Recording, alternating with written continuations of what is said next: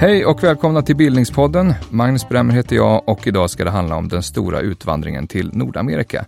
Med mig här i studion på Stockholms universitet finns Monir Karadja, forskare i nationalekonomi vid Uppsala universitet och Dag Blank, professor i Nordamerikastudier vid samma universitet. Varmt välkomna hit båda två. Tack. Tack, tack. Monir, vill du börja med att förklara vad den stora utvandringen var för någonting? Det var ett fenomen som började i mitten på 1800-talet där eh, en väldigt stor eh, mängd svenskar emigrerade. Så det finns lite olika beräkningar på exakt hur många som flyttade, men omkring 1,3 miljoner svenskar flyttade från 1850 till 1920. Och det motsvarar ungefär en fjärdedel av Sveriges befolkning. Eh, och de flesta av de här emigrerade till, till USA. Men det fanns li även lite andra destinationsländer som Tyskland, Australien, eh, Sydamerika. Men som sagt, det är framförallt USA vi tänker på när vi talar om den stora emigrationen. Och, och eh, det här var ett fenomen som var vanligt i hela Europa egentligen? Ja, absolut. Eh, dels i våra grannländer, Norge var ett av de stora eh, länderna som skickade många emigranter, även Irland och Italien bland de största. Mm. Mm. Dag, varför utvandrar så här många människor från, från Sverige? Finns det en stor faktor eller är det många små? Det finns några grundfaktorer. Det hade att göra med de ekonomiska och sociala förändringar som Sverige och Europa genomgick under den här perioden. Det hade att göra med en mycket stark folk, befolkningsökning, den så kallade demografiska transitionen, där befolkningen växte mycket snabbt. Framförallt den yngre delen av befolkningen växte mycket snabbt. Det hade att göra med industrialiseringen och med urbaniseringen, moderniseringen av de eh, europeiska och även nordamerikanska samhällena, för det samspelade ju med USA. Mm. Men de faktorerna, varför fick de så många att, att, att flytta till Amerika? Ja, det finns en grundläggande demografisk eh, förklaring som har att göra med att befolkningen växte väldigt starkt, snabbt. Mm. Den svenska befolkningen fördubblades väldigt snabbt och det blev ett väldigt tryck på resurserna i landet helt enkelt. Eh, det blev en, en pauperiseringsprocess brukar man tala om, att folk blev så här fattigare.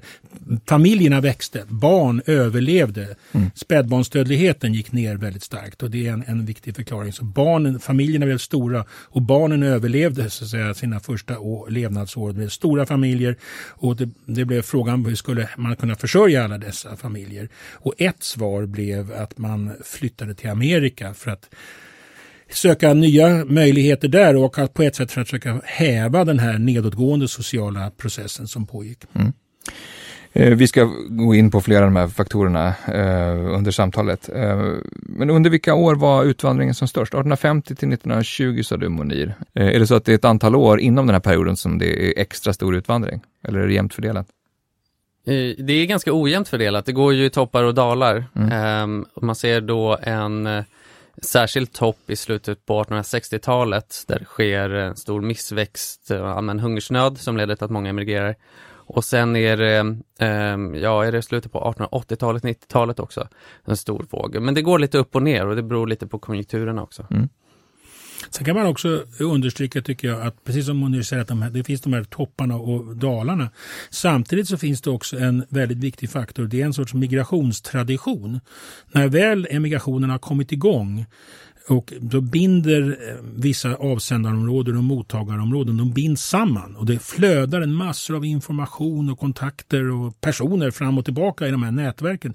Och Det kan man se väldigt intressant att när väl eh, flyttningen har påbörjats så även om tiderna blir bättre i Sverige och tiderna blir sämre i USA när migrationen förändras på en aggregerad nivå så mm. de här migrationslänkarna är väldigt eh, hållbara mm. och är ganska opåverkade av de här konjunkturella eh, förändringarna. Så man ska också se på lokal nivå väldigt intressant hur det skapas väldigt starka band mellan speciella områden i Sverige och speciella områden i USA. Som gör att det blir lättare för personer i, i Sverige, de områdena, att också ta steget? Naturligtvis. Det, mm. det är en väldigt viktig faktor när emigrationen blir en massfenomen är att det, det redan finns, det finns kunskap så att säga, om vad som finns där borta. Mm. Och det finns massor av resurser som flödar fram och tillbaka i de här nätverken. Mm vad vet vi om personerna som, som reste? Finns det särskilda grupper man kan identifiera?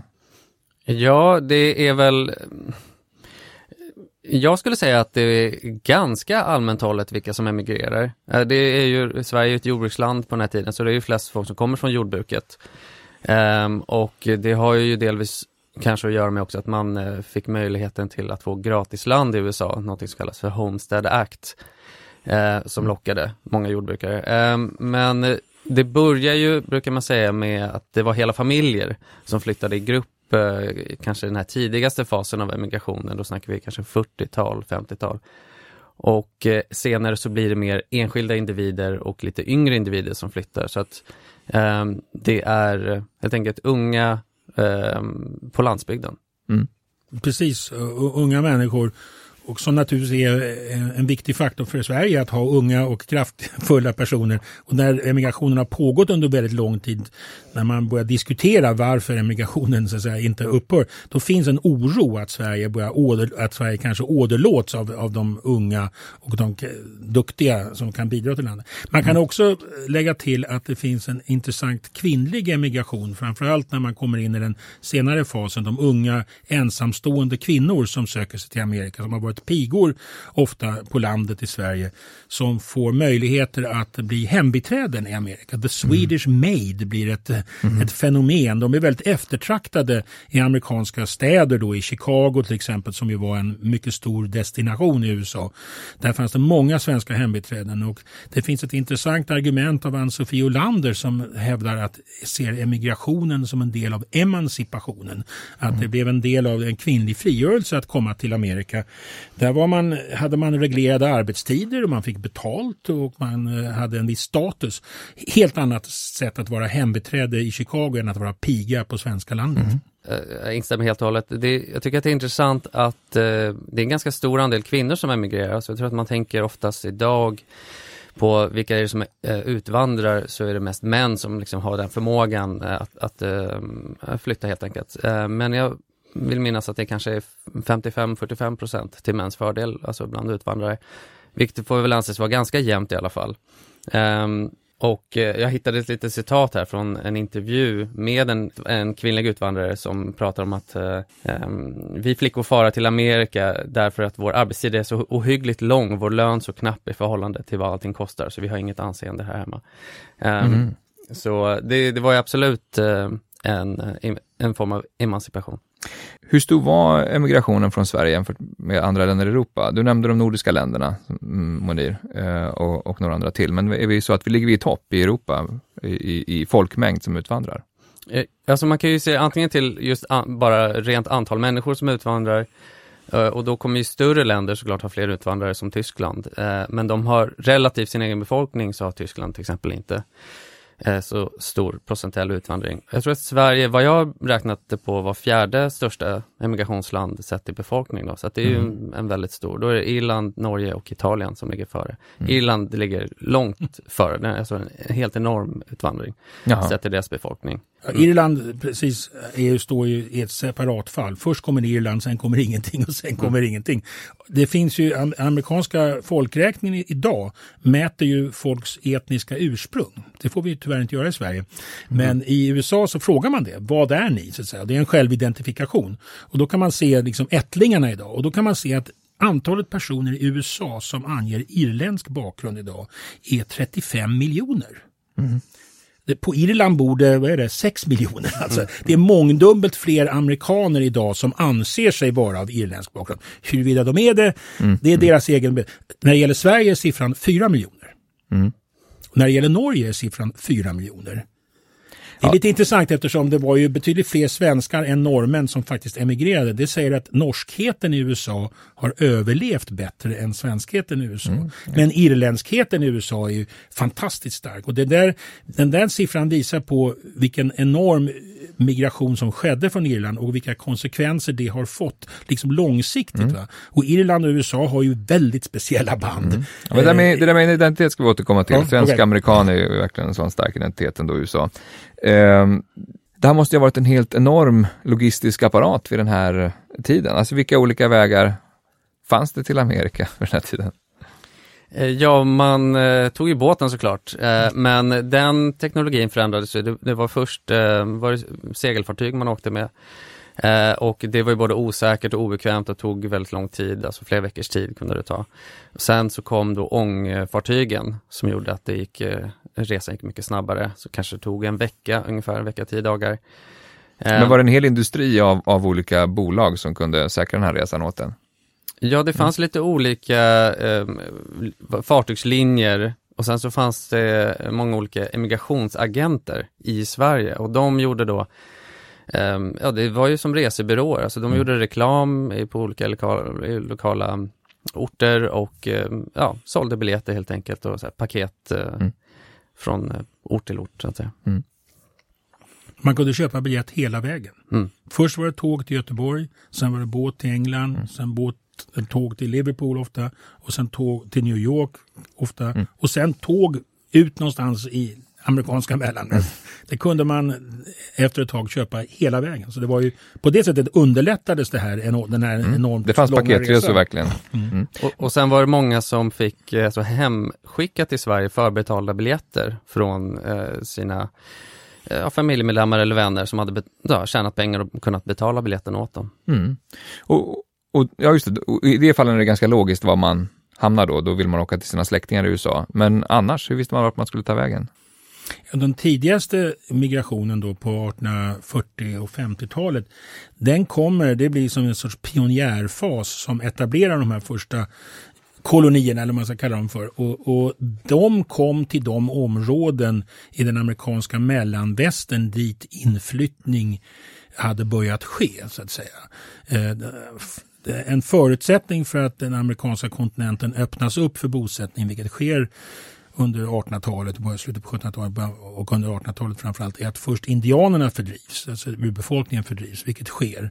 Så svenskarna gynnas av eh, fördrivningen av indianerna. Det finns en -hmm. scen i, i Utvandrarna där Karl-Oskar anklagas för att leva på stulet, stulet jord. Du lever mm. på stulen jord, Karl-Oskar säger en gammal svensk trapper som har bott där länge och han blir mycket upprörd och säger har minsann betalt det här. Mm. Mm fair and square. Men, men han har rätt. Han levde på, det, det är en grundförutsättning så att säga. Mm. Men när den så att säga, omständigheten är, är, är klar, då fyller svenskarna på. Då kommer de till de områden där det fanns möjligheter vid den tidpunkten. Så att säga att svenskarna kom till Minnesota därför att det såg, som ut, såg ut som hemma i Sverige, det hör man ibland. Det, det, det är, fel, det är inte, helt, det är inte helt rätt. Mm. Det här är ju en period i svensk historia som, som fortfarande tycks väldigt levande i den svenska folksjälen eh, och inte bara bland svenska amerikaner i USA. Vilhelm Mobergs Utvandrarepos som du hänvisar till här idag är en av de stora svenska klassikerna får man ändå säga. Men det kommer fortfarande nya romaner, reportageböcker, filmatiseringar och, och bearbetningar av Mobergs verk också. Då. Va, eh, vad är det som berör så med den här historien tror ni? Jag tror att det är intressant att man, man tittar på en period som egentligen inte är så eh, långt tillbaka i tiden, men där Sverige var i en så totalt annorlunda position eh, i världen än vad det är idag. Alltså där folk måste lämna Sverige. Det finns sådana direkta kopplingar till eh, dagens eh, flyktingsituation. Alltså det, det, svenskarna är ju ekonomiska migranter som vill eh, söka lycka någon annanstans för att Sverige inte kan eh, eh försörja dem. Eh, och eh, för mig, jag tänker att det är väldigt spännande just för att eh, Sverige, vi tänker på Sverige väl, på ett väldigt annorlunda sätt idag. Mm. Dag? Ja, naturligtvis. Det tror jag är en viktig faktor. Sen tror jag att den här utvandringen, den skapade så långsiktiga konsekvenser. Det var så många som berördes av den och så många människor har växt upp med, eh, generationer har växt upp med släktingar i Amerika, berättelser om, om, om utvandring och så. Och det där, eh, man kan tänka sig att det ska klinga av någonstans, mm. men, men det gör inte det. Nu har vi ju liksom en, en motbild till Mobergs eh, farmare i Minnesota, i Ola Larsmos Swede Hollow, mm. där de lever i den industriella slummen och det är nog en mera korrekt bild så att säga. Om man kan säga. Mm. Moberg är, hade ju en egen väldigt speciell uh, syn på det här. Men det, det pekar på att hur, hur, det är ett allmängiltigt, precis som du säger, det är ett allmängiltigt, en allmängiltig sak. Men det har också, de här långa traditionerna har satt djupa spår hos oss. Det här mycket märkliga tv-programmet Allt för Sverige som visas, mm. Eh, visar ju också på vilket intresse det fortfarande finns för det här. Så ja, det, det, det, det berör oss. Eh, svenska ättlingar i, i USA som kommer till Sverige och, och och, och olika tävlingar och sånt där va? Ja just det, men mm. det betittas ju i Sverige. Det är gjort av svensk television. Det är mm. gjort av SVT. Mm. Så man anser väl uppenbarligen att det har ett allmänintresse. Ja. Och det har ju höga tittarsiffror. Mm. Det, släktforskning är en annan, en annan dimension av det här som är jättestor. Alltså mm. den transatlantiska släktforskningen. Både i USA och Sverige. Har det funnits liksom en tendens att romantisera hela den här, den här utvandringen uh, i, i, i, i gestaltningarna? Jag, jag, kan tycka att det finns en tendens eh, att göra tvärtom, att det blir lätt lite negativ klang på eh, många berättelserna runt om det här. Så de, här. de här emigrationsagenterna som jag talade om, de gjorde ju propaganda för, för emigrationen för att eh, liksom lura folk över till USA och där i USA så hamnade folk eh, liksom eh, utan bättre vetskap i, i, i, dåliga situationer. Så jag, jag, kan tycka att det finns lite av en negativ klang ibland eh, kring eh, vad som hände med, med de här emigranterna. Men det är alltså att, att uh, guldet blev till sand som är Kristina von Duvemåla musikalen som handlar om det här. Att drömmarna krossas och att det var, uh, man, man betonade uh, misslyckandet på något sätt, är det eller? Ja, det är ju bara en personlig känsla av mm. hur, hur, jag upplevt det innan jag började forska om det mer. Um, men det motsägs ju lite av att så väldigt många personer faktiskt valde att emigrera och stanna kvar. Mm. Att... Och, och, och klarade sig i det nya landet. Ja, men precis. Mm. Ja, jag tror också det ligger en del i det tror jag. Och sen tror jag också det finns en i Sverige och i Amerika bland svenska amerikanerna en tendens till en stark stolthet. I Sverige har vi en, en, en vi vill gärna läsa om dem som det har gått bra för, de olika svenska uppfinnare och entreprenörer. Det var en, vet ni att det var en svensk som uppfann blixtlåset? Coca-Cola-flaskan designades av en svensk. Och, då tillskriver man vissa händelser och fenomen i USA etniska eh, förtecket, vilket man kan mycket fundera över. Det, kan ju ibland dra åt någon sorts biologism nästan då, och säga att det ligger i de svenska generna att vara speciellt bra. Och det, det det kan man se sen också på immigranterna själva när de börjar skriva sin historia. Mm. Det gör de väldigt snabbt. De börjar samla material om sig själva och, och börjar framhålla sig själva. Därför de här emigranterna eller migranterna kommer ju in i ett samhälle där de eh, ligger och skaver mot massor av andra grupper. De lever i Chicago till exempel, där det var så många svenskar.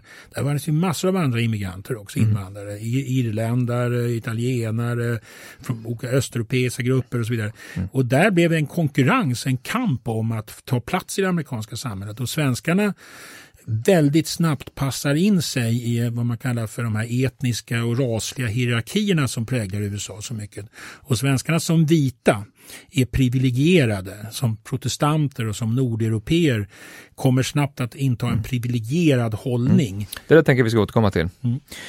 Uh, ni har tittat på det här som forskare från lite olika håll. Du är historiker idag och Moni, du är nationalekonom. Jag tänker vi ska återkomma till det. Men vad är ni själva mest fascinerad över med den här, eh, det här fenomenet, den här tiden?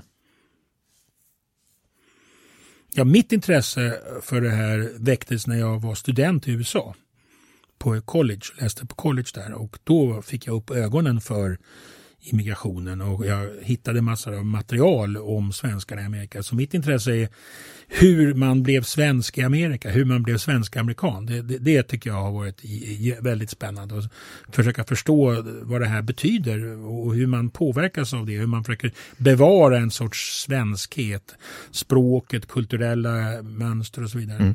Som bottnar i dina egna svensk-amerikanska erfarenheter? Då? Ja, det var en egen erfarenhet mm. som, som det började med. När jag, när jag såg saker som sades vara svenska som jag aldrig hade hört talas om. Mm. Då blev jag väldigt förvånad. Mm. Men vad är det här? Mm. Mm. Du Romani, vad är vad är det som, när, du, när du har arbetat med, med den här perioden, vad är det du liksom återkommer till som, som fascinerar? Ja men eh, mitt eh, intresse kommer lite från att titta på vad, vad som hände med Sverige. Eh, det här är ju en period när Eh, Sverige demokratiseras, där arbetarrörelsen växer fram och, och formar landet och samtidigt har vi den här enorma emigrationen. Um, och, eh, så det var lite utgångs utgångspunkten att se, fanns det några samband mellan det där uh, i min forskning? Mm. Om vi går in lite mer på forskningen om det här då. Dag, den, den nordiska forskningen på utvandringen är rätt omfattande. Kan du ge en överblick över liksom vilka typer av, olika typer av perspektiv som framförallt har intresserat forskare, historiker? Ja, historieämnet tog upp den här frågan eh, på stor front på 60-talet. Länge så var man inte jätteintresserad av det. Det kan man nog tolka som att man tyckte det var lite mm, pinsamt att så många personer hade ut, utvandrat så att säga. Det fanns en, en ett, ett, lite ointresse kanske mm. för, för det hela.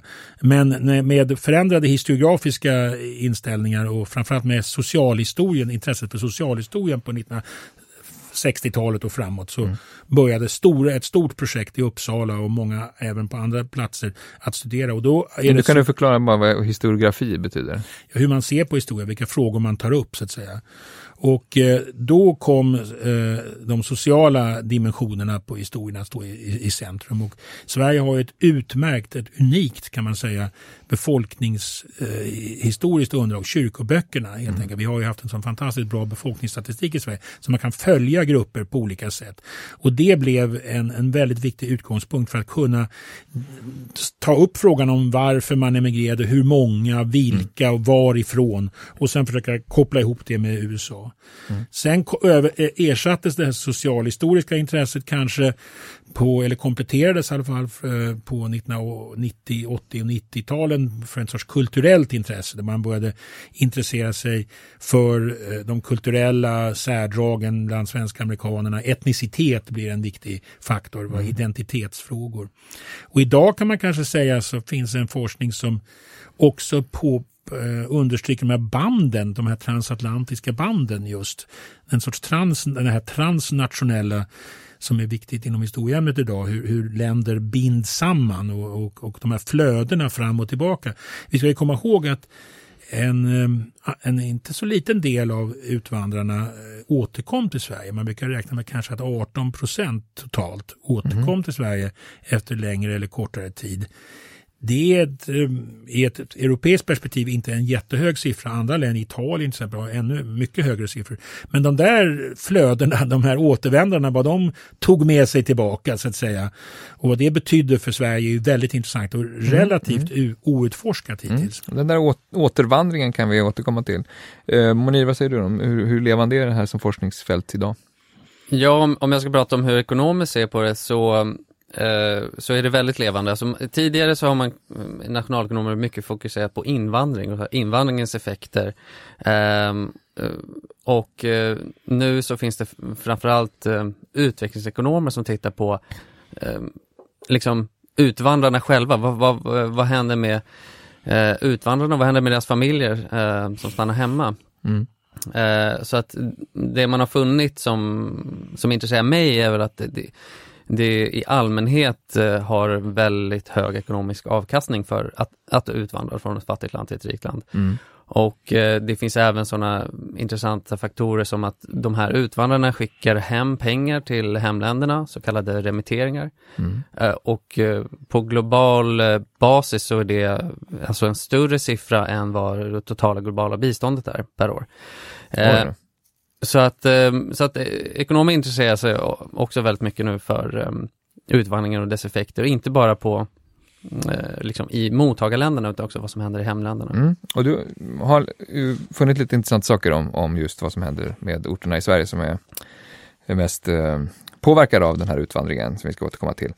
Um, Okej, okay, om vi ska ta det här lite mer noggrant från, från början och, och ska förklara varför den här ut, stora utvandringen skedde, när den skedde, Um, och varför? Hur, lång, hur långt i historien måste vi gå tillbaka, Dag, för, för att ge en, en bakgrund? Ja, det, den bör, man brukar säga att eh, eh det kanske är på 1840-talet som de här grupp, de första grupputvandringarna sker. Även om man ska poängtera att det har hela tiden funnits resenärer till Amerika mm. från Sverige. Så det är liksom olika, olika typer av, av, av resande som sker. Men de, de första resenärerna till USA då, som inte är eh, vikingar eller så, var, vilka, ungefär när i historien talar vi om då? Ja, i början på 1800-talet så finns det ett antal svenska resenärer som, som reser till USA av olika skäl och beskriver USA och skriver om USA. Det fanns en, en allmän europeisk, ett allmän europeiskt intresse för den här nya republiken och det finns ett antal kända resebeskrivningar. De Tocqueville, den franske filosofen, skrev i sin berömda bok De la démocratie en Amérique som mm. beskriver Demokratin i Amerika. Ja, som beskriver ett enormt genomslag, fick eh, väldigt, väldigt betydelse. Fredrika Bremer, Hemmen i de nya världen världen och så vidare. Så Den typen av personer, de återkommer ju för det mesta, till, till, men de skapar en medvetenhet om USA. Mm. Men sen så börjar då de här, mera, de här tidiga gruppmigranterna då, gruppemigrationen på 1850-talet kan man säga, 18, slutet på 1840 och 50-talet. Och sen så efter amerikanska inbördeskriget framförallt så öppnas ju möjligheterna med, som, ni sa, Homesteadlagen 1863 som öppnar upp enorma jordmängder, framförallt i den amerikanska mellanvästern för egentligen inget pris alls, alltså mm. alltså gratis. Säg något mer om Homesteadlagen, eh, Modir. Eh, ja, men det, det fungerade väl så att eh, om man emigrerade, eh, om man bosatte sig på eh, i ett område som omfattades av den här lagen och brukade marken under en period av fem år, då fick man marken gratis. Så det var ju ett, ett sätt att försöka befolka de här nya delarna av USA allt eftersom man expanderade. Ja, och det lockade ju uppenbarligen många svenskar. Mm.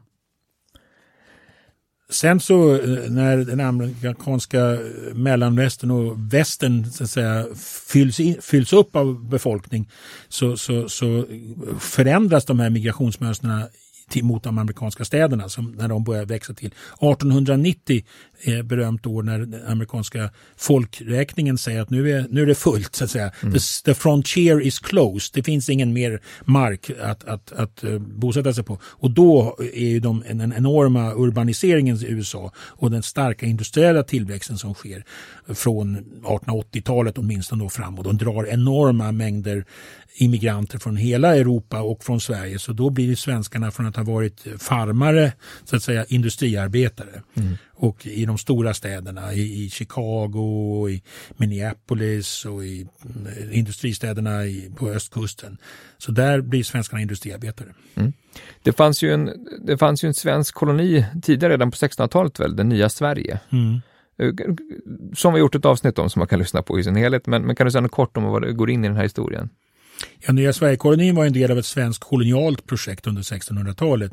Ganska eh, misslyckat kan man säga. Mm. Eh, men eh, den spelar inte någon jättestor roll för att dra till sig folk under 1800-talet. Vad den däremot har en väldigt symbolisk roll för svensk-amerikanerna under 1800-talet. För där kan de visa på att svenskarna hade en tidig närvaro mm. i vad som sen blir USA. Det finns alltid en kamp om att ha varit först. Mm. Och, och, då är svenskarna nästan på samma nivå som engelsmännen. Det är bara några år efter de första engelska kolonierna på amerikanska mm. östkusten. Så den rollen har Nya Sverige-kolonin och den har firats många gånger. Den mm. är nästan kanske den mest firade kolonin. Jag skulle säga att den är överfirad. Mm.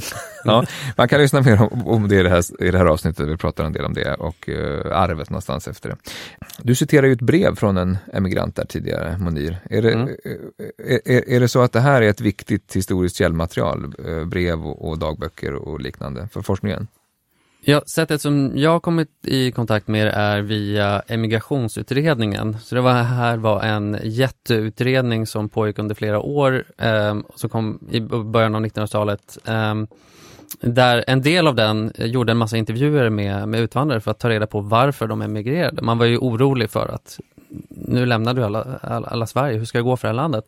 Eh, och eh, då kan man läsa sådana här intressanta små, eh, små citat helt enkelt. Och det, för mig har det varit viktigt att eh, i min forskning kunna på något sätt ehm, finna någon form av eh, bekräftelse på de tankar man har om varför folk emigrerar och ehm, för mig det som blir tydligt ur de här eh, breven och, och intervjuerna är, är, hur viktigt det är med de ekonomiska förutsättningarna, eh, känslan av att man, eh, alltså att det, det, är väldigt starkt klassamhälle i Sverige som man inte tar sig fram eh, från. Mm. Och eh, även den här vikten av eh, släkt, familj och vänskapsband, alltså nätverkens betydelse. Att man, mm. man åker verkligen, man, man, får så mycket information eh, via de här nätverken och man åker till dem som man redan känner. Mm. Breven var en enormt viktig källa till kunskap hundratusentals brev skrevs mm. och lästes i, i Sverige. Och, eh, eh Sverige hade en hög läskunnighet under 1800-talet, bland de högsta i hela Europa. Och det betydde att brev och tidningar, det kom, utkom hundratals svenskspråkiga tidningar i USA som skapades. Mm. För det fanns en läsvana. Och de är också en jätteviktig informationskälla. Men de här breven de finns utgivna eh, i många olika, på olika sätt översatta och, och, och det finns flera studier som pekar på den, den väldigt stora de, betydelse de hade. Och det betyder att det fanns en väldigt hög informationsnivå om USA på den svenska landsbygden, säger vi sekelskiftet. Alltså folk kände till det, man brukar säga att man kände mera till Chicago än man kände till Stockholm kanske om man bodde på landet. För där mm. hade man de här, som Monier säger, de här släkterna och vännerna, de här banden som fanns. Mm. Man ska ha ganska hög informationstolerans som forskare också, tänker man ska närma sig det här området med så mycket material som det verkar finnas. Eh, vad, vad har USA för uh, syn på förhållningssätt till den här enorma invandringen som då uppenbarligen sker? En grundläggande förutsättning för hela den här diskussionen är ju att man hade fri immigration i, i USA. Jag tror inte vi har nämnt det mm. än. Eh, vad som händer där över tid är ju att när man börjar eh, tycka att landet, landet har fyllts upp och att kanske fel typer av invandrare börjar komma är att man inför olika lagar som sätter eh, kvoter mm. på eh, vilka, ehm, hur många invandrare som får komma från vilka länder.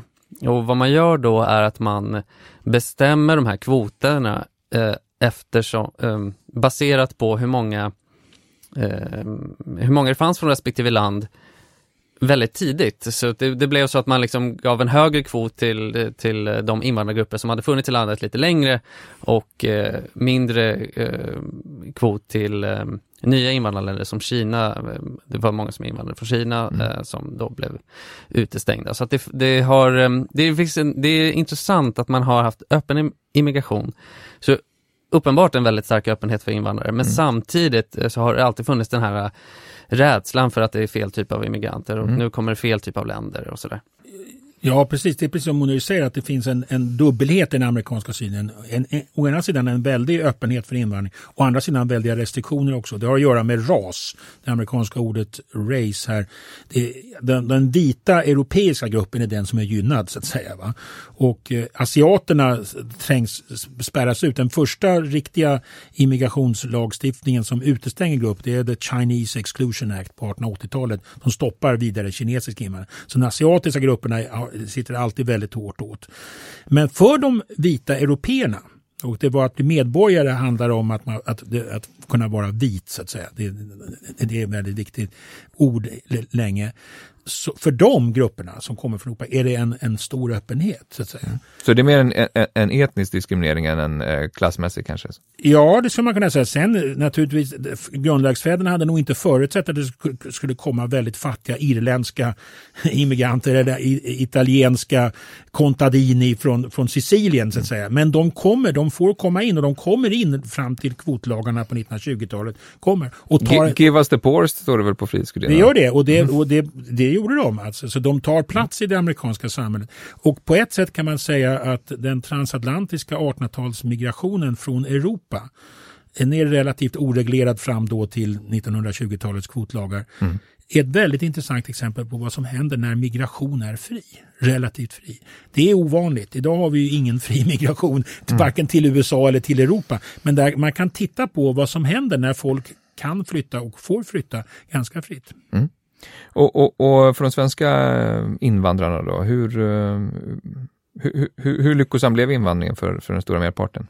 Ja, det är ju väldigt svårt att göra generella. Jag tror Monir har, ni har säkert eh, intressanta data om det, men man kan ju säga att Eh, Eh, för väldigt många svenska invandrare, så de, i början precis som ni sa så är det en, en tidig, först en tidig fas kanske av diskriminering och dumb Swedes och, och så vidare. Men relativt snart så placerar svenskarna in sig i de på de högre nivåerna i de här etniska hierarkierna. De var vita, mm. de var protestanter. Irländarna som ju var vita ändå var ju katoliker och det var en, stark, en mycket stark antikatolsk diskriminering från 1840-talet och framåt. Och som har levt kvar i USA länge. Mm. När John Kennedy valdes till president 1960 då var hans katolicism ett problem som han var tvungen att konfrontera lyckosamt. Sedan dess har det nog, att Joe Biden är ju den andra katolska presidenten faktiskt, USA bara. Hans katolicism var inte ett problem nu när han mm. valdes. Va? Men så svenskarna kom att bli, eh, man måste ändå säga relativt lyckosamma och för många svenskar så var nog steget till Amerika ett, pos ett positivt steg. Mm. Om både ekonomiskt och, och, och, socialt. Även om många också levde under svåra förhållanden och eh, det fanns diskriminering och det fanns svenska radikaler som kastades ut från USA mm. Eh, och så vidare. Så att, Ja, den, den, eh, jag vet att det finns eh, forskning på, på Norge och norska emigranter där man har jämfört bröder, alltså där ena brodern flyttar till USA och den andra brodern stannar hemma i Norge och så har man jämfört man har ju inte data på löner exakt, men man har data på vilket typ av jobb de har och så ska man säga att med genomsnitt så har de här yrkena och den här lönen och så vidare. Så mm. Eh, nu tror jag att man fann att det var ungefär 70% högre lön för de eh, norrmännen som emigrerade. Så en ganska stor, eh, stor mm. positiv mm. effekt. Um, men du talade om, om exempelvis The Swedish Made Dag som en, som en lyckosam yrkeskategori för, mm. för svenskar då. Uh, är det så att det finns uh, mer, mer, mer lyckosamma exempel där utifrån vad man, vad man, vilken sysselsättning man hade när man kom, kom till USA? Industri eller jordbruk och så vidare. Ja, de tidiga jordbruksmigranterna som kom och, och kunde ta, ta mark genom Homesteadlagen till exempel fick ju fantastiskt bördig mark. Mm. Den här marken i mellanvästern i Minnesota, Illinois, Kansas, Iowa är fantastiskt bördig och kunde skapa väldigt stora, ofta väldigt stora gårdar, väldigt stora farmar. Som det var ju något väldigt positivt. Mm. Sen kom många svenskar också att vara verksamma som hantverkare, byggnadsarbetare. Eh, man brukar säga att svenskarna var väldigt viktiga när det gällde Chicagos byggnad. They built Chicago säger de mm. själva. Lite stolt över sig. Men det är sant att det var många svenskar som jobbade i byggnadsindustrin mm. i de stora städerna. Att så här många svenskar, 1,3 miljoner under de här åren, lämnade Sverige måste ju haft en kännbar påverkan på, på hemlandet. Vad vet vi om, om livet för de som vill kvar och, och landet som blev lämnat kvar? Ja, jag måste säga att mitt svar, det var lite därför jag intresserade mig för den här frågan i, i min egen forskning, är att eh, jag kände att eh, jag inte riktigt eh, hittade jättebra svar på vad var effekterna av, av emigrationen. Det är mycket, eh, mycket väldigt bra forskning om vem som emigrerar, vart ifrån och varför. Eh, men det jag kände lite att eh, jag saknade när jag försökte läsa är, ja men vad hände med, med de här orterna liksom, som, eh, som ja, i någon mån tömdes på folk. Mm. Det fanns ju på framförallt politiskt håll så fanns det en, en stark oro för vad som skulle hända med Sverige när så många emigrerade. Man var rädd för att liksom landet utarmas, det finns ingen arbetskraft för jordbruket. Man var rädd för försvaret, de här unga människorna som man oroade sig delvis om de flydde lumpen. Eh, och det fanns ju de många, en stark sån oro. Jag tror att jordbruksintresset eller lobbyn, vad ska säga, var då väldigt stark i sitt motstånd. Eh, och man försökte under hela den här perioden att, att få till politiska begränsningar för emigrationen, men några sådana kom aldrig. Mm. Det, det, blev aldrig olagligt att, att emigrera eller särskilt svårt att emigrera. Man kan ju också se emigrationsutredningen som du nämnde tidigare var ju en, en reaktion på det när man tillsätter till slut en stor utredning för att ställa frågan varför emigrerat så många? Och in, implicit hur kan, vi, hur kan vi få stopp på den? Från början så var man nog inte alls speciellt oroad. Då såg man det som eh, eh, eh, fattigt folk som lämnade landet och det var inga, inga problem. Men när den har pågått så pass länge som när vi kommer fram mot sekelskiftet 1900, det, det liksom verkar inte aldrig sluta, då blir den här, kommer den här oron. Och hela egna hemsrörelsen är ju så att säga, en konsekvens av, av detta. Vad var det för något? Ja, emigrationsutredningen den var en väldigt grundlig genomgång om, om den agrara strukturen i Sverige. Man gick ner på sockennivå och gick igenom och inventerade hur ser det ut här. Och man, man drog slutsatsen att det hade att göra med ekonomiska och sociala problem i Sverige. Och svaret var att man skulle skapa mera möjligheter att ha egna eh, gårdar, e-, e-, egna hem så att säga. Va? Då, när det svaret kom då hade ju Sverige, höll ju Sverige på att lämna den jordbrukssamhället och gå in i ett industriellt samhälle så det var lite, lite sent så att säga. Men själva, själva tanken var rätt och den här egna hemsrörelsen, det faktum att man skulle göra det möjligt för folk att ha egna hem och bygga egna hem, alltså, det är en en, en utlöpare av den här oron för vart Sverige håller på att ta vägen på grund av den stora utvandringen. Mm. Men Monir, i, i, din forskning så har ju du lyckats se också starka positiva effekter på de här orterna som hade stor utvandring, de svenska orterna som hade stor utvandring till USA. Eh, vad är det ni har, eh, vad är det ni har hittat där framförallt? Ja, vad vi har gjort är att vi har undersökt eh, på kommunnivå, de kommuner som hade mer utvandring, eh, då har vi tittat på vad händer med deras eh, politiska och fackliga utveckling å ena sidan, å andra sidan så har vi tittat på deras ekonomiska eh, utveckling. N eh, när jag och min eh, medförfattare Erik Pravitz och även jobbat med David Andersson så eh, undrar vi lite vad händer med de här orterna där många emigrerar? Eh, och som Dag har pratat om, det var en stor överbefolkning som man lättar upp på det här trycket och vi tänkte att det borde väl till en början eh, kanske ha bidragit till att höja löner eftersom då det finns färre arbetare som, eh, som man konkurrerar om, om jobben. Och eftersom vi då tänkte att ja, men det här var ju perioden där fackföreningsrörelsen eh, växer sig starkare och eh, då arbetare blir starkare som, som grupp på något sätt. Kan det här ha bidragit? Alltså att det finns färre arbetare, de kan då lättare ta för sig Eh, delvis då genom att begära högre löner, men kanske också genom att organisera sig. Eh, så det är ungefär hypotesen och teorin bakom mm. vad, vad här första forskning, forskningsartikeln handlade om. Mm. Hur gick ehm, ni tillväga då sen för att, för att utreda det här? Ja men då har vi gått runt och grävt i alla de här intressanta data som finns. Alltså det kommer från kyrkböckerna och det kommer från um, andra källor. Så att det finns många släktforskare, vad de har gjort är att man har då digitaliserat eh, namn och, och födelseort eh, och emigrationsår eh, eh för eh, nästan, ja för i princip alla emigranter då från Sverige. Så att då finns det, eh, fanns det tillgängligt eh, data på alla emigranter från Sverige som vi kunde eh, sammanställa eh, på, på kommunnivå. Det här, det här, på den här tiden så hade Sverige ungefär 2400 kommuner.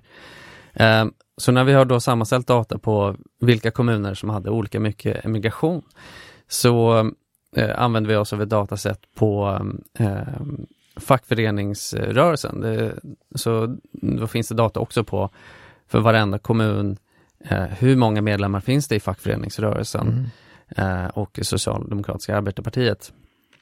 Eh, så att när, och så har vi såklart massa andra data vid sidan av det här. Men eh, vad vi gjorde då att vi helt enkelt kollade på om det verkade finnas en effekt mellan att eh, en ort har mer emigranter och att de sen också har en högre eh, grad av anslutning till arbetarrörelsen. Och det var det, var det vi, vi fann. Så att det verkar som att eh, då arbetarrörelsen har stärkts av emigrationen, vilket mm. man kanske hade kunnat tro eh, motsatsen, men mm. eh, det tyckte vi var väldigt intressant. Vad säger du om det, Dag, som har forskat på detta under lång tid? Ja, det är en väldigt intressant observation eh, på eh, att man kan liksom försöka leda i bevis de här korrelationerna med de som stannade kvar. Mm. Det är nog eh, inte mycket har gjorts på det, så det jag tycker jag är väldigt intressant. Mm. När det gäller arbetarrörelsen, den svenska arbetarrörelsen, brukar man annars säga att det fanns kontakter med den amerikanska och den svenska amerikanska arbetarrörelsen. Många svenskar som utvandrade blev aktiva i amerikansk fackföreningsrörelse och, och kom tillbaka ibland med impulser från dem. Så att det, det, det skulle vara intressant att se den rikssvenska arbetarrörelsen som då stärks enligt er tes här av att många försvinner så att säga, eh, kan då motta impulser från eh, arbetarrörelsen i Amerika. Och eh, det finns faktiskt ehm, Eh, tecken som tyder på att många eh, som kom tillbaka som hade en organisatorisk erfarenhet i USA blev också engagerade i, i arbetarrörelsen och fackföreningar i Sverige. Så det är en intressant dubbel, dubbelhet där. Mm. Ja, verkligen. Och det finns också en möjlighet att, att eh, svenskarna eh, som hade erfarenhet av den svenska arbetarrörelsen faktiskt exporterade sin kunskap till USA. Så det ja. finns ju även den möjligheten att, eh, för det, som du säger så var det många som var aktiva i USA i um, Precis, så, och det där tycker jag är intressant för det visar på det här transnationella förhållandet. Man ska, man ska när de först, första eh, forskarna kanske i Sverige, de, man såg det ofta som en envägsprocess. Va? Mm. Från till. Från Småland till Minnesota. Mm. Men jag tror att idag är det väldigt fruktbart att se det som en tvåvägsprocess. Och det ni gör då att se vad hände med de som inte flyttade ut så att säga poängterar också hemlandet och, och hur de här två arenorna knyts samman av, av migrationen. Mm. Det tycker jag är, är, och då, det förklarar också delvis de här långvariga konsekvenserna, att det fortfarande är relevant och fortfarande är aktuellt. Mm. Ja, det, det, är verkligen det, det det, bygger på. Så teorin är att eh, en ort bygger upp ett mm. Migrationskapital, om säga, eller det här nätverket då. Att eh, om jag som arbetare eh, står här på en ort där jag mycket lätt kan emigrera för att jag känner så pass många i USA och där vet jag såklart att jag har möjligheter att få ett, ett, ett bra jobb, ja då förstärks mina möjligheter att kräva bättre förhållanden i Sverige. Mm. Och eh, man ska komma ihåg att eh, det var inte helt eh, riskfritt att vara med i en fackförening på den här tiden. Alltså man kunde man kanske bodde på en ort där det fanns en, framförallt en arbetsgivare, så bodde man på arbetsgivarens eh, eh lokaler, alltså man hade bostad hos eh, arbetsgivaren och om arbetsgivaren inte tyckte det var kul med en fackförening eh, på orten, då kan man bli vräkt och man mm. kunde bli svartlistad och ha svårt att få jobb någon annanstans. Så vi ser också emigrationen som en, en, en försäkring, alltså jag kanske vågar ställa mm. högre krav mm. för att jag vet att i värsta fall så, så kan jag faktiskt dra till USA. Mm. Och en sårbarare situation också för, för eh, industripamparna så att säga, som, som var mer beroende av de arbeten som var kvar, eller? Ja, vi tänker på det lite som en, en slags förhandling. Alltså det här ökar eh, arbetarnas förhandlingskraft eftersom de har den här eh, ja, nödutgången eh, till mm. USA. Mm. Finns det fler, finns det fler sådana här positiva effekter på, på svenska orter som hade stor utvandring till USA som ni har sett? Ja, alltså vad vi har gjort i, ett, eh, i ett uppföljnings, eh, en uppföljningsstudie så har vi tittat på lite mer ekonomiska faktorer. Alltså så att i det första pappret så finner vi att det, det finns positiva effekter på arbetarnas eh, liksom, anslutningsgrad och politiska eh, organisation. Eh, och sen så har vi tittat på Ja, om nu lönerna ökar och så vidare, vad, vad, kanske det leder till ökat incitament för företagare att innovera, uppfinna maskiner och, och, och, saker som gör att man inte behöver använda lika mycket arbetskraft. Mm. Eh, så att vi, och det, eh, vi finner indikationer på det i eh, den här uppföljningsstudien, alltså att orter med mer emigration också har mer innovation mm. och man verkar ligga i framkant vad det gäller industrialisering, alltså omstrukturering från jordbruk till, till industri och mer användare av, av maskiner helt enkelt. Vad, vad är det för typ av, av eh, innovation och nytänkaranda som, som ni har sett i de här orterna? Ja, det vi eh, kan se är att vi kan se vilka, inom vilken eh, sektor eller industri som man innoverar och då ser man i, i stor utsträckning så är det inom jord, jordbruket. Eh, och det går väl eh, lite i linje då med tanken om att det var framförallt från jord, jordbruket som många arbetare utvandrar och det är där då det finns ett större behov av att skapa nya maskiner och nya teknologier för att eh, klara sig med, med färre arbetare. Mm. Och eh, det här kan ju då ha haft eh, positiva följdeffekter i att det sätter igång en allmän process av eh, industrialisering och utveckling massmigration är knappast ett utdött fenomen. Det, det präglar vår tid i, i allra högsta grad. Eh, vad ser ni som forskare, finns det paralleller att dra mellan vad som hände i, i, i Sverige och Europa på under andra halvan av 1800-talet och det som de har skett de senaste, det senaste decenniet? En liten nätt fråga sådär som avslutning. Ja, jag, jag, tror man kan säga så här. Man hör ofta eh, folk eh, säga att svenskarna var också utvandrare. så att säga. Det, vi lever ju i migrationens tidevarv verkligen nu. Va? Och, och, det var ju helt sant. Svenskarna var också migranter. Det finns en, men det finns en avgörande skillnad om man tittar på den svenska transatlantiska migrationen till USA. Och det var som vi har sagt i den, svenskarna var i princip välkomna. Dagens migranter mot Europa och mot Sverige är ju inte välkomna. Mm. Vi vill hålla dem ute. USA hade i stor utsträckning öppna gränser. Så Karl-Oskar och Kristina var precis som du sa ekonomiska flyktingar. Och ekonomiska flyktingar är inte välkomna till Europa och till Sverige idag. Där har vi den stora skillnaden. Så att man ska uh, man kan peka på vissa paralleller, det finns vissa allmängiltiga paralleller naturligtvis med migrationer och frågor om identitet och sådana saker som jag tror man kan verkligen, eh, där man kan känna igen sig så att säga. Och det kan vara en förklaring till varför Kristina från Duvemåla och Swede Hollow och så vidare fortfarande Men vi ska akta oss för att säga att eh, svenskarna i USA var, befann sig på samma situation som afghanerna i Sverige gör idag. Det är en stor skillnad. Mm. Ja men det, det, håller jag verkligen med om, alltså man har olika förutsättningar och ekonomierna ser också väldigt olika ut på 1800-talet som, som idag. Idag är vi, eh, om vi tittar på ett land som Sverige då, mycket större utsträckning ett kunskapsland där ens utbildningsnivå och språkkunskaper spelar en helt annan roll. Um, uh, så, att, så att det är ju, eh, vi pratar om att det gick så bra för de svenska migranterna det var väldigt lätt att, att, komma ner i jobb även om man inte talade språket och riktigt den situationen har vi ju inte idag med, med um, um, invandrare som kommer till Sverige. Um, så att det finns ju eh, många olikheter också. Men det, någonstans så, så undrar man om det finns någon form av från mitt perspektiv då som har studerat vad som händer med hemländerna så, så undrar man ju, är det bara en utarmning som sker av de länder där, där många eh, flyttar ifrån eller kan det finnas några positiva följdeffekter eh, genom att man eh, ja, bidrar ekonomiskt till hemländerna eller till eh, på andra sätt eh, förstärker eh, situationen för de som är kvar i, i, i dåliga förhållanden. Något att forska mer på kanske. Mm. Finns det andra sådana, sådana perspektiv som du skulle vilja se mer av inom emigrationsforskningen om det händelsevis är andra emigrationsforskare som lyssnar på detta? Ja, jag tycker ju att eh, eh, om man tittar på svenskarna i USA, deras historia i USA, så tycker jag att en väldigt viktig faktor som är hittills understuderad är att man ska inte se dem i isolering. Vi har haft en tendens att se våra landsmän i västern och, fram, och, och understryka hur bra det har gått. Men vi måste se dem i det större perspektivet. Vi måste se dem i samspelet och i konflikterna med andra grupper i USA.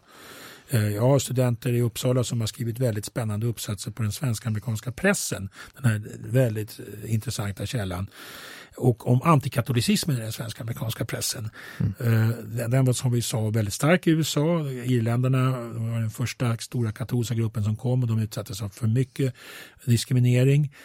Och, och eh, svenska amerikanerna var väldigt snabba på att hoppa på det tåget så att säga. Och eh, man ser hur de blir, svensk, hur de blir amerikaner. De läser av väldigt snabbt de etniska och rasliga hierarkierna som finns i USA och så placerar man in sig själv där och blir av det amerikanska samhället också inplacerad på en viss, på en viss och i det här fallet en ganska hög nivå. Och, och, och där kan man då se hur de här konflikterna fanns och det var starka konflikter mellan svenska och irländare. Många svenska amerikaner var mycket starkt motsatta till eh, kritiska mot att deras mm. barn till exempel skulle gifta sig med irländsk, irländare mm. eller irländskor. Sen skedde det i realiteten men, men där fanns en stark religiös spänning. Mm. Uh, och Sen har en annan av mina studenter studerar synen på afroamerikaner i den svenska amerikanska pressen. Också ett väldigt intressant ämne. Där frågan om vithet som är så aktuell i USA idag eh, gör att man kan komma åt den, de här, den komplexa etniska och rasliga situationen i USA genom svenska amerikanerna. Och ni?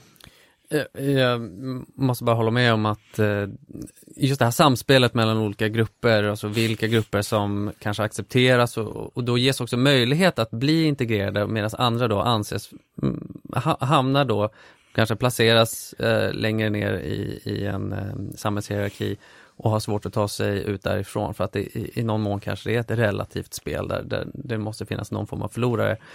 Um, ja, jag har funnit intressant uh, forskning om det i, i det amerikanska fallet. Um, och det tror jag är säkert något som är mer allmängiltigt som, som man kan finna i, i andra länder när det kommer till integration. Det får bli dagens sista ord. Jag tackar Monir Karadja och uh, Dag Blank för att ni vill vara med i Bildningspodden. Tack. Tack, tack. Tack också ni som har lyssnat. Vi är snart tillbaka med ett nytt avsnitt. Ha det så bra så länge. Hej!